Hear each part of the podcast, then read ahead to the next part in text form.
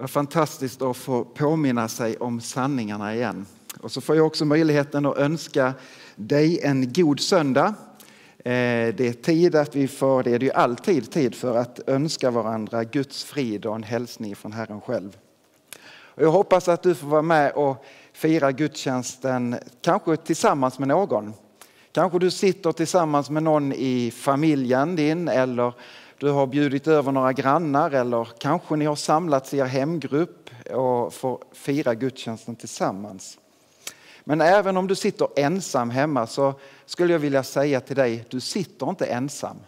Du sitter aldrig ensam.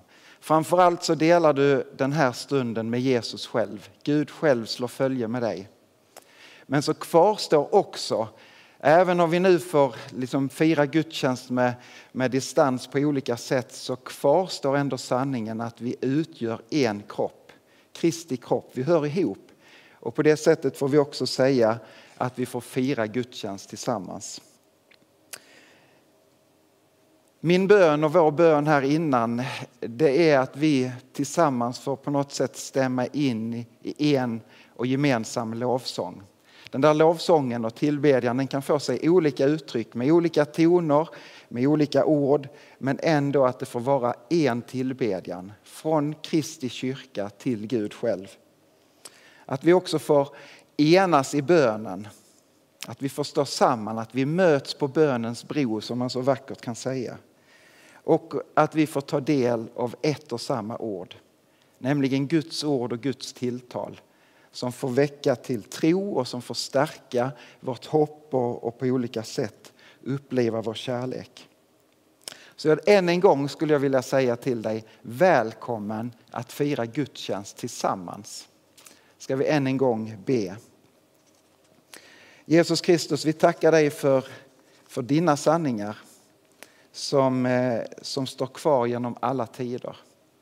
Vi tackar dig för löftet om att när vi samlas i ditt namn, då är du mitt ibland oss. Och det vill vi uttrycka nu, inför varandra, inför allt i andevärlden, men framför allt inför dig själv.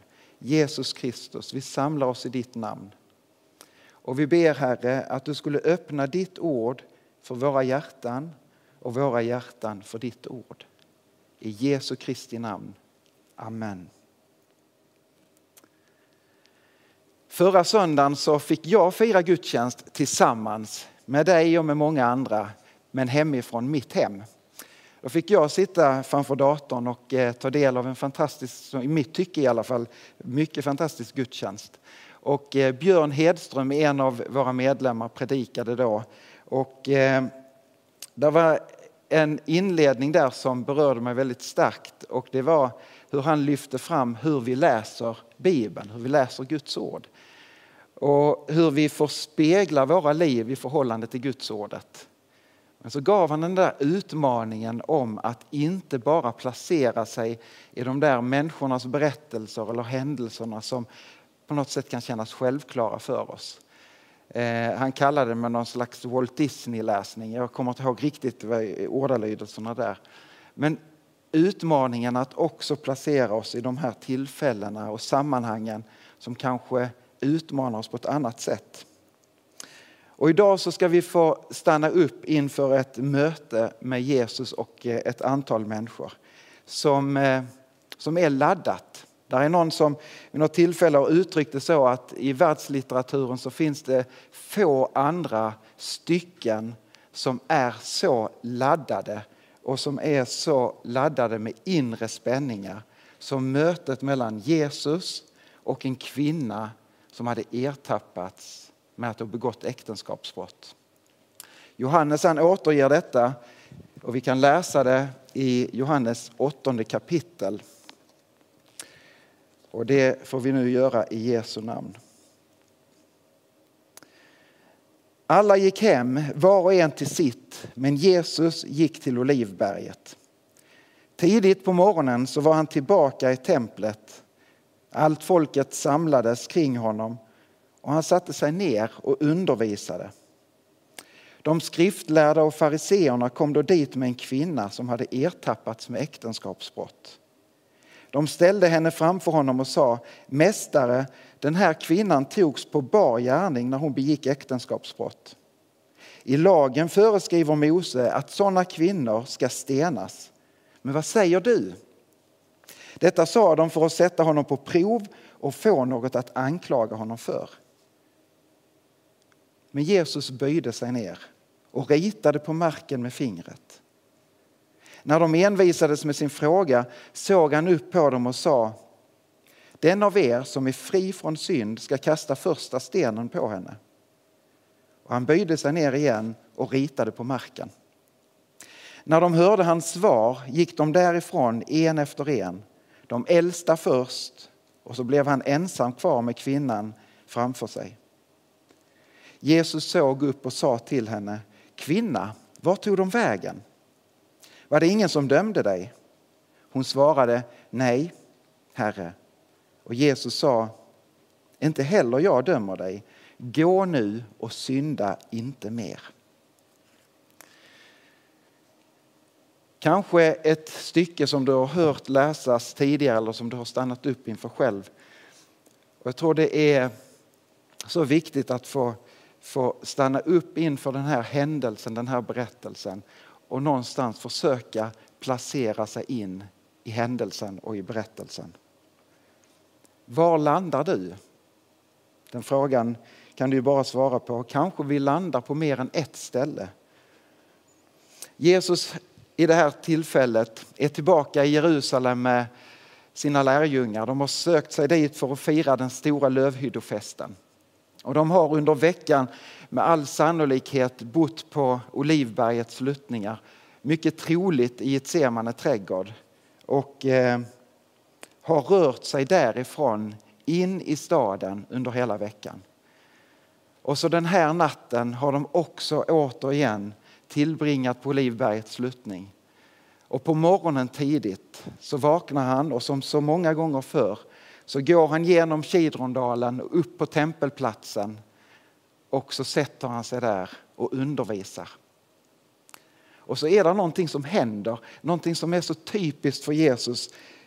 Inte bara för den tiden när han vandrade här på jorden utan som är så typiskt för Jesus genom alla tider. Folk samlades, folk drogs till honom. Det är nästan som att han har en sån här tilldragande kraft som en magnet. Folk som kommer med kanske olika anledningar men, men många av dem som sätter sig tillsammans med Jesus och lyssnar på honom kommer förmodligen med en längtan och en förhoppning i sitt inre. Kanske det är så att det är någon i den här hopen av människor som har fått möta Jesus tidigare och hört honom undervisa. Kanske det är så att det är människor som har varit med om ett inre eller ett yttre helande och fått sitt liv verkligen totalt förvandlat. Kanske det är många i den här gruppen av människor som, som eh, har hört ryktet om Jesus och säger vi måste söka upp honom. Här talas det om en man som talar om Guds rike med, med en sån, sån inlevelse, med en sån kraft så att det, liksom, det blir inte bara ljuva ord i, i mina öron utan det, det förvandlar från insidan. Jag märker hur tron liksom växer i mitt liv och hur hoppet om, om Guds ingripande liksom verkligen brinner i mitt hjärta. Sån är Jesus. Och så sitter denna gruppen människor där och lyssnar på Jesus. Men så plötsligt dyker det upp en annan hop av människor. Ett gäng fariseer och skriftlärda som är på väg till Stora rådet och de passerar över tempelplatsen bort mot kanske den kammaren huggen i sten och för att ta med sig den här kvinnan som de har ertappat med att begått äktenskapsbrott. Hon släpas förmodligen genom folkhopen. Hon skäms säkert och har en enorm vånda för hon vet nu så kommer mitt liv att ställas på sin spets på något sätt. Då ser de här fariseerna Jesus sittandes där borta och undervisa. Och de tänker nu har vi en chans. Vi stannar upp här på vår vandring och så utmanar vi Jesus. Jesus som de vet hela tiden har undervisat och slagit fast att Mose lag gäller. Samtidigt som han talar om barmhärtigheten, förlåtelsen på ett sånt sätt så att de här människorna får inte ihop. Hur hänger det här ihop? Och så asar de den här kvinnan framför Jesus, kastar henne framför honom och så ställer de frågan till Jesus. Vad ska vi göra? Mose lag påbjuder hon ska stenas till döds. Och det här gänget av grabbar, för det är väl förmodligen män, står där med laddade händer. Stenar som de bara någonstans väntar på och kanske också längtar efter att få kasta. Lagen säger att de skulle dömas till döden. Och så tänker de, säger Jesus att lagen gäller, då kan vi anklaga honom för att inte vara en barmhärtighetens liksom förespråkare, förlåtelsens förespråkare och så vidare. Skulle han däremot säga att du, ni kan inte kasta de här stenarna, det, det gäller inte, det var inte så farligt. Då kan vi anklaga honom för att han inte håller sig till lagen. I deras värld så verkar det som att det bara är två utvägar i den här händelsen. Här möter vi två grupper av människor. Vilken av de här grupperna läser du in dig själv? Var är du i den här händelsen? Tillhör du den gruppen som har sökt upp Jesus med en längtan efter att han ska tala på nytt in i ditt liv? Kanske du har varit med om ett heligt möte med Gud som, som drar dig tillbaka till honom. Eller kanske du, du bara har hört talas om att ja, men det händer någonting i mötet med Jag har inte fått erfara det men jag, jag hoppas så att han ska tala helande in i mitt liv. Tillhör du den gruppen som söker Jesus med en nyfikenhet och en längtan? Jag hoppas det. Och jag tror det. Men så är det också den där andra gruppen, fariseerna och skriftlärda, som vi så där självmant inte naturligt säger, men där känner jag mig hemma, jippi! Så. Men att få placera sig i den gruppen kan också vara en utmaning för oss. För jag tror att både du och jag förr eller senare hamnar också i den gruppen. Medvetet eller omedvetet. Vi kanske också står där med stenar i våra händer. För vi har så lätt att bedöma och döma varandra. Kanske det är så att det är någon gammal oförtret som du har varit med om som hänger kvar i ditt liv. Och så är det som om du går omkring med en sten att ja, jag har förlåtit men jag ska minsann då aldrig glömma. Och så går du och bär på en sten som du kanske längtar efter att få kasta på någon.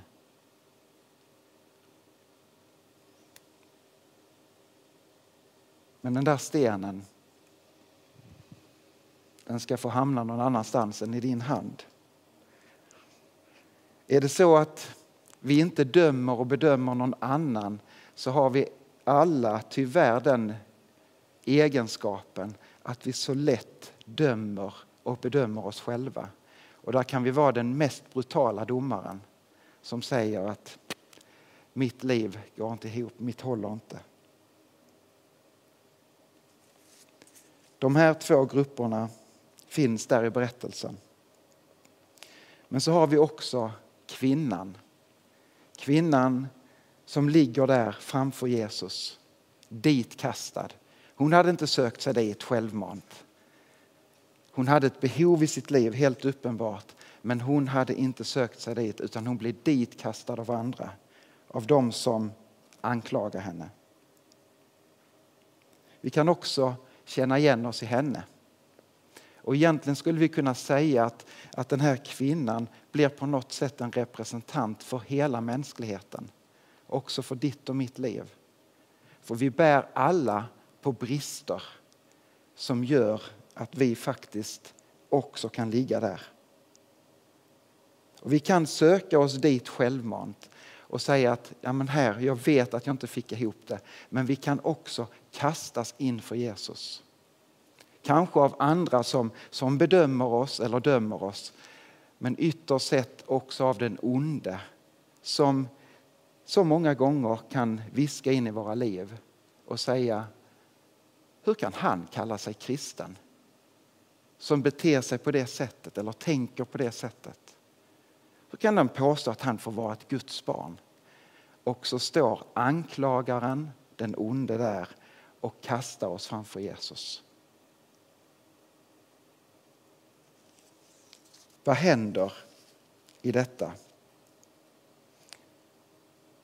Just nu ligger kvinnan där framför Jesu fötter. omkring sig så står de här männen som har laddat med sina stenar. Stämningen är minst sagt laddad. Jag vet inte, men jag tror att kvinnan kan tänka att min sista stund har kommit.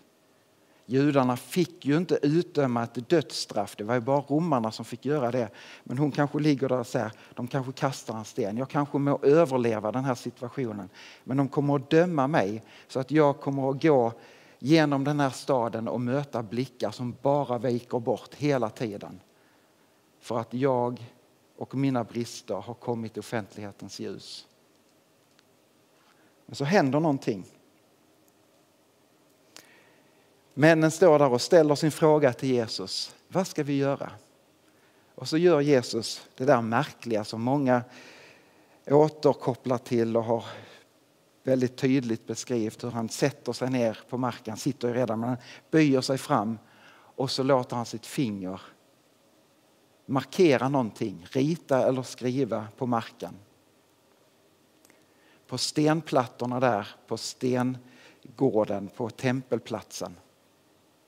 Han gör det inte bara en gång utan han gör det faktiskt två gånger. Och Jag tror att det är en detalj som är viktig. Jag tror att det är så att Jesus faktiskt vill markera att Mose lag gavs på två stentavlor. Gud hade låtit sitt finger skriva lagen och nu låter jag Guds finger igen gå över två stenar och markera lagen gäller. Men så kommer det en tredje utväg som fariseerna inte tänkte på.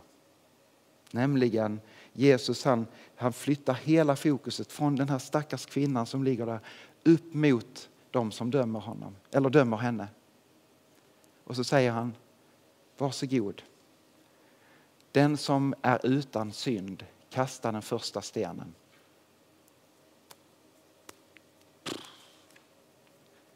Det blir tyst på tempelplatsen. Sen faller stenarna, en efter en. De äldsta först.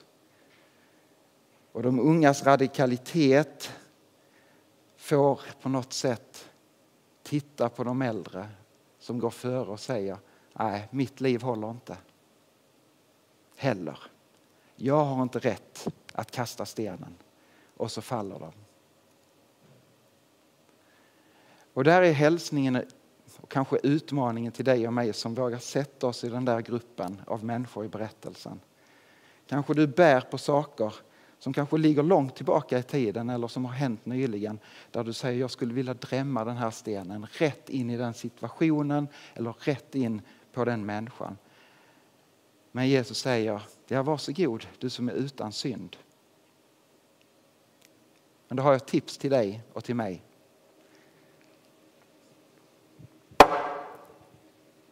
Lägg den där.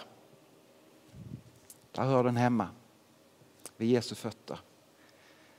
Och så får jag gå iväg. Döm inte så ska du inte själv bli dömd. För med den dom du dömer, dömer du också dig själv. Att gå och bära på sådana där skräpstenar drar bara ner dig själv. Och samtidigt så gör den inte gott in i en annan människas liv. Sök förlåtelsen, sök uppgörelsen och få frid i ditt liv. Jesus han öppnar en tredje utväg för den här kvinnan när han ställer om fokuset från den anklagade till anklagarna och säger kasta stenarna. Och så lämnar de platsen och plötsligt så är det bara ett möte, nämligen kvinnan som ligger kvar och Jesus som står kvar. Och Jesus ställer frågan, var blev de av? Kvinnan tittar upp. Jag vet inte.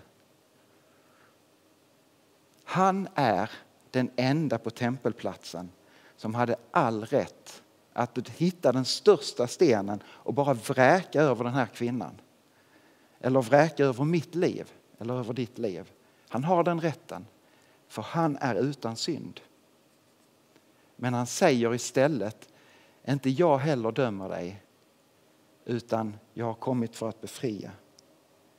Alldeles i anslutning till Johannes 3 och 16, lilla bibeln, så, så står det så här. Gud sände inte sin son till världen för att döma världen utan för att världen skulle räddas genom honom. Och precis som Jesus säger så till kvinnan så, så vänder han sin blick mot dig och mig och säger, inte jag heller dömer dig. Gå nu och synda inte mer. Jesus säger inte det spelar ingen roll, lev hur du vill. Det är, vi stryker över det. Nej, istället så säger han, jag går in och plockar upp de där stenarna som skulle kastas på dig. De kastas på mig, säger Jesus. Och så händer någonting på korset när Jesus dör och när han sen också uppstår. Där hela mitt liv med allt gott och med alla brister på något sätt får en riktning mot Kristus. Och i honom har jag det enda beskydd som räddar mig från död till liv. Endast i honom. Vi ska få be vår syndabekännelse tillsammans. Och vi använder gemensamma ord. Men de kan vara laddade med så mycket av det som, som ligger och kanske gnager i ditt liv och ditt hjärta. Av det som, där du känner, här räckte jag inte till, här blev det fel. Inte bara i det som jag själv vet, men också i förhållande till Gud. För det är inför honom som vi får uttrycka vår syndabekännelse som ser oss rakt igenom, alldeles precis oavsett. Han ser våra liv precis som de är, nakna avskalade, med allt vad de innehåller. Men så står han kvar, tittar på oss när vi ligger där ditkastade av alla den ondes anklagelser. Och så säger han, inte heller jag dömer dig, utan jag befriar. Jag är barmhärtighetens Gud. Jag är förlåtelsens Gud och jag är den som öppnar vägen för dig hem. Hem till din far och hem till ditt hem. Och så får vi också ta emot hälsningen, gå och synda inte mer. Lev ett liv i min kallelse.